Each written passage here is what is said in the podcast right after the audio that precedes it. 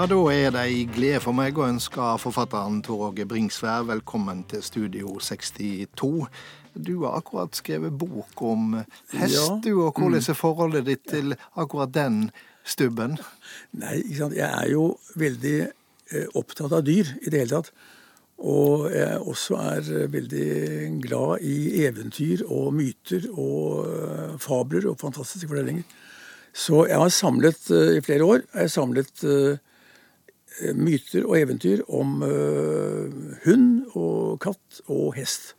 Og siste boken heter Hypp, og det er da boken om, om hesten. Og der er det masse spennende. Altså, hesten har jo betydd så mye i menneskets historie. Det, det har den. Ja, og hva er det mest eh, originale du, du har kommet på med hesten som symbol? Nei, eh, det mest originale er vel eh, det som er det vanligste, nemlig at hesten er den som trekker solen og månen over himmelen. Mm. Det er egentlig noe som går igjen mange steder. At eh, det er klart at eh, solen kan ikke bare trille på egen hånd. Den må ha noen som eh, hjelper den, og da er det hesten som gjør det. Og eh, i, her i Norden så har vi til og med dramatisert historien ved at, eh, at denne vognen har også eh, to ulver som jakter etter. Så hesten eh, er nødt til å løpe. Men det er hesten vant til, for hesten er jo opprinnelig et byttedyr. Det, vi må ikke glemme at eh, hestens opprinnelse sånn for en 60 millioner år siden det var Ja. vel et ganske liten skapning som eh, Ja, Den var på sånn hundestørrelse, var det ikke Ja, det? ikke sant? Og som en blanding av, sånn, mellom hund og rev og, og rådyrkalv. Og, eh, men der har jo arkeologene uh, hatt en poetisk raptus. I og med at det første dyret er sånn, det kalte de for uh, morgenhesten. Jaha. Eohippos. Morgenhesten. Det er et flott navn. Men uh, som byttedyr eh, holdt den på lenge. Eh, jeg husker jo ikke ordentlig, men eh, de første hulemaleriene fra 30 000 år tilbake. Eh, Men på den tiden så ble den vel jaktet på. Så det å eh, bli noe annet enn biff og suppekjøtt, det ble den ikke før ca. 3000 år før Kristus. Hva, hva er bakgrunnen for din fascinasjon eh, for, for eh, hestefabler? Ja, den er den samme som for eh, andre dyr. Jeg har jo som sagt også skrevet bok om, om hunden, om katten, om grisen. Eh, Så nei, jeg, jeg syns dyr er spennende. Jeg syns dyr er utrolig spennende. Og jeg er ofte irritert over den menneskelige arrogansen vi har, hvor vi, eh, hvor vi står og, og ser opp mot stjernehimmelen på, på kvelden og føler oss ensomme i universet og lurer på er vi helt alene, liksom. Hadde vi ikke vært så arrogante, men sett ned og rundt oss isteden, så ser vi at vi lever på en verden som yrer av liv. Og vi burde kanskje være litt mer interessert i å få kontakt med våre medskapninger. Eh, Da du eh, nylig mottok Anders Jares kulturpris, så ble det trukket fram at eh, du, du nettopp har eh, interessert deg og skrevet om myter og mytologi. eh, Blant annet eh, vår gamle gudelære, et mm. praktverk i 13 eh, bind. Eh, Ser du likheter mellom, mellom eh, våre nordiske eh, nordiske arv der og, og i andre kulturer? Ja, det, det, det ser man selvfølgelig. Det kan man, det kan man se. Men det er eh, ja, Men det er ikke først og sammenlignende er interessert er interessert i om det er en god historie. Jeg, jeg leter etter den gode historien. Jeg tror, jeg tror man Helt siden leirbålenes tid så har vi fortalt slike historier. eh, om hverandre og om dyr og om verden og om eh, hvordan ting er blitt til. Og disse historiene er spennende, vakre og poetiske. Og de er like viktige å ta vare på som andre arkeologiske funn, liksom. Eh, vakre gjenstander tar vi vare på, men gamle, gode historier burde vi altså, Dette har ikke med hest å gjøre. Men f.eks. Eh, i fjor, da jeg laget den eh, boken om hunder Vov heter vel Vov, den? ja. eh, En fantastisk fin skapelsesberetning som eh, et urfolk i California har, Cato-indianerne. eh, Hvor de sier at Gud skapte verden, eh, skog og fjell og hav og, og sjø. Men, men hunden skapte han ikke. For en hund, det hadde han. Ja, det. Så hvor kom hunden ifra? Ja, nei, Det vet vi ikke. Altså, Historien forteller at Gud og hunden hans går rundt og skaper verden. Og, og Gud skaper vann og ber hunden smake, og hunden smaker vann og sier at det er veldig ålreit. Og så når de er ferdig med skapet og er fornøyd, begge to, så går de hjem igjen. Det viser noe om forholdet mellom, mellom dyr og mennesker. altså. Du nevnte dette med at vi burde ta vare på disse historiene. Ja. Er vi i ferd med å glemme mange av de? Vi er det. Det, det gjelder jo f.eks.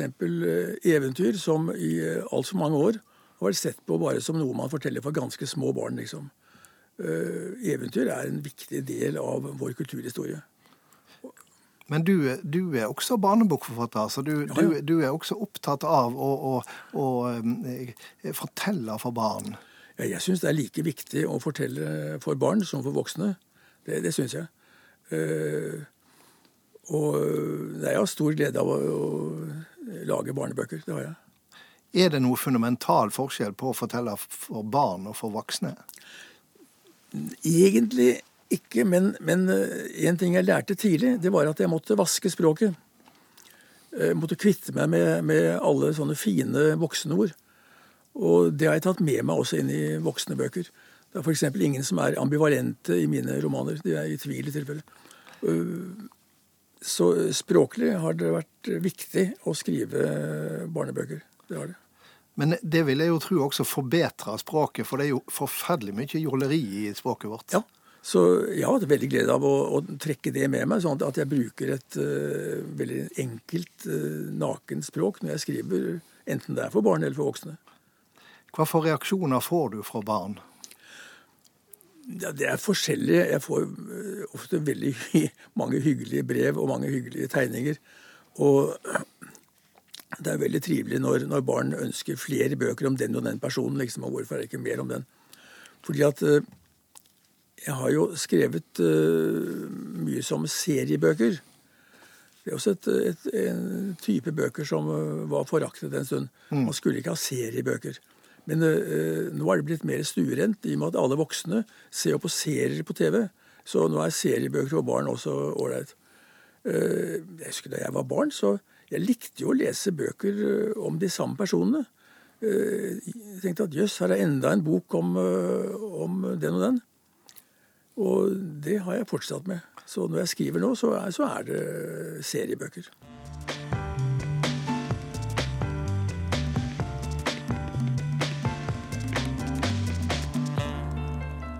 Det er nesten uråd å snakke med deg uten å snakke om science fiction.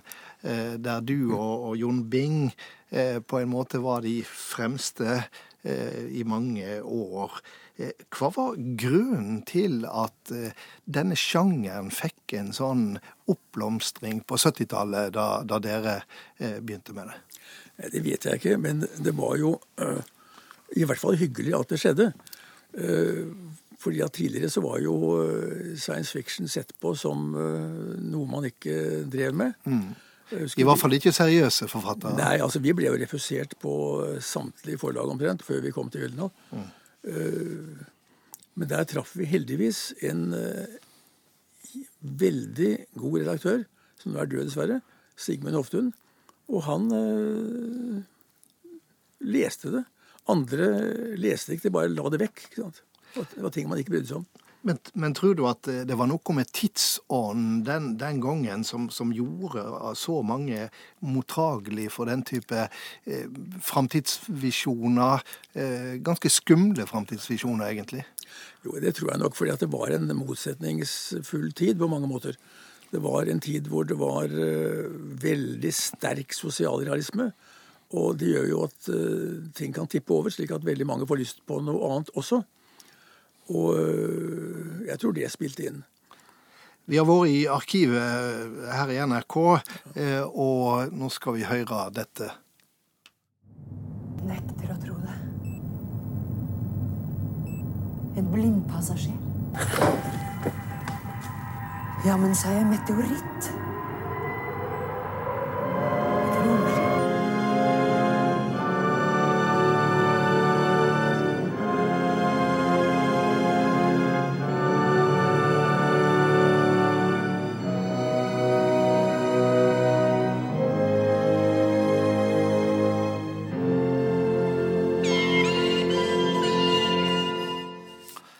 Ja, hva var dette for noe? Det kjente jeg godt. Nei, Det var jo fra Blindpassasjer, den serien vi laget. Men som jeg sa, jeg tror at øh, fordi det var en sånn motsetningsfull tid med både veldig hard sosialrealisme, så øh, ble man på en annen side også ganske lekende. De som, de som syntes det ble for mye av det mm. veldig øh, sosialrealistiske, de hadde lyst til å leke. Det opplevde vi i NRK som, eh, som eh, ville ha denne serien. Og de hadde laget også flere andre programmer om science fiction. Eh, det var jo Vi hadde jo som utgangspunkt at science fiction ikke bare var Lynn Gordon og Vill Vest i himmelrommet, mm. men at det handlet om noe. F.eks. at det er mange som tenker på science fiction som at alle disse duppedittene som, og tekniske strykejern og alt det. Det vi er interessert i, er jo hva alt dette gjør med oss som mennesker. Det er det som er interessant. Så det handler om øh, mennesker her og nå, egentlig. Men det som var science fiction på 60- og 70-tallet, er jo i mangt og mye blitt øh, virkelighet i, i dag. Hva, hva, tenker du om det? Ja, nei, det man tenker litt av hvert om. Er, øh, men i utgangspunktet så er det jo ikke ment at det skal være spådommer. Det er jo ment at det skal være kommentarer til den tid man lever i. Eh, det beste eksempelet er vel George Orwells 1984, mm. som overhodet ikke er en spådom om 84, men det er 84 eh, er eh, Altså, han skrev boken i 48, så det er snudd på hodet, liksom. Hva er ditt forhold til den digitale virkeligheten? Den uh, har jeg omfavnet når det gjelder å skrive. Det tok lang tid, men, uh, men uh, nå kan jeg ikke tenke meg å skrive uten å ha en bærbar Mac. Det kan jeg ikke. Jeg leste at eh, Dag Solstad hadde skrevet sin siste roman med, med kulepenn, men det er ikke noe du holder på med? Nei, altså jeg gjør nok begge deler. Altså, Jeg har alltid vært et sånt både-og-menneske. Men det er uh, Hvis jeg står fast på et eller annet, så kan det hende at jeg går ut på en eller annen kafé og setter meg ned og skriver. Da skriver jeg med kulepenn og, og Men uh, stort sett så bruker jeg nok den bærebare. Så jeg har flere maskiner. Det er bare én maskin jeg ikke har. Jeg har ikke smarttelefon. Fordi at jeg, jeg, har nok av datamaskiner. Jeg trenger ikke å ha enda en å holde i hånden, liksom. Hmm. Um, jeg lest en eller annen plass at du avskyr ferier. Er det sant? Ja, det er fordi at Ja, det er satt på spissen, selvfølgelig, som alt mulig annet. Nei, men det er fordi det jeg liker aller best, det er å skrive. Jeg liker aller best å sitte ved maskinen og leke. Og, og ferie betyr da å trekkes bort fra det man liker aller best å gjøre, og det er ikke noe moro. Hvordan jobber du? Jeg jobber veldig mye. Nei, jeg, jeg, er et lystmenneske. Altså, jeg jobber fordi jeg syns det er moro å jobbe. Så det betyr at uh, da blir det veldig mye. For, for det, det, er en, det, er en, det, er ikke et slit, det er ikke en jobb på den måten. Er, jeg føler at jeg har det fryktelig moro. Jeg er veldig spent på hvordan det går. Altså, jeg, jeg, slutter jo alltid Jeg skriver en roman, så uh, har jeg aldri noen disposisjon. Eh, ting går som det går, liksom. Mm. Og det betyr at uh, når leseren er kommet frem til side 50 i en av mine bøker, så visste heller ikke jeg hva som sto på side 51. Så fortellinga tar makta på egen hånd? Ja. altså Jeg pleier å, å, sammenligne med Det er to måter å skrive på. Altså Du kan, du kan prøve å finne på og, og alt sånt. Men da trekker du stoffet etter deg. Men hvis eh, det er stoffet som trekker deg, sånn at du liksom bare henger bakpå, da er det spennende. Da trekkes du inn i Ja, det er spennende. Det er vel det som gjør eh, bøkene dine så fascinerende også? da? Ja, altså jeg, jeg, gleder meg jo hver dag til å skrive, for jeg er spent på hvordan det går, liksom. Mm. Men eh, eh personlig så syns jeg du har laga en av de beste titlene jeg noensinne veit om. Og det er den som heter 'Den som har begge beina på jorda står stille'. Hvordan jobber du fram med en tittel som det der? Det er sånn som bare kommer. Sånn som bare kommer. Men det, er, men det kommer jo fordi at, at eh, det kommer som en motreaksjon også på uttrykket at det gjelder å ha begge beina på jorda, liksom. Mm. Ikke sant? Og så, ja, åssen skulle det bli hvis man hadde det? Da kom man jo ingen sted. Da sto man jo helt stille. Jobber du mye med titlene dine? Ja, eh, jeg gjør det. Det gjør jeg.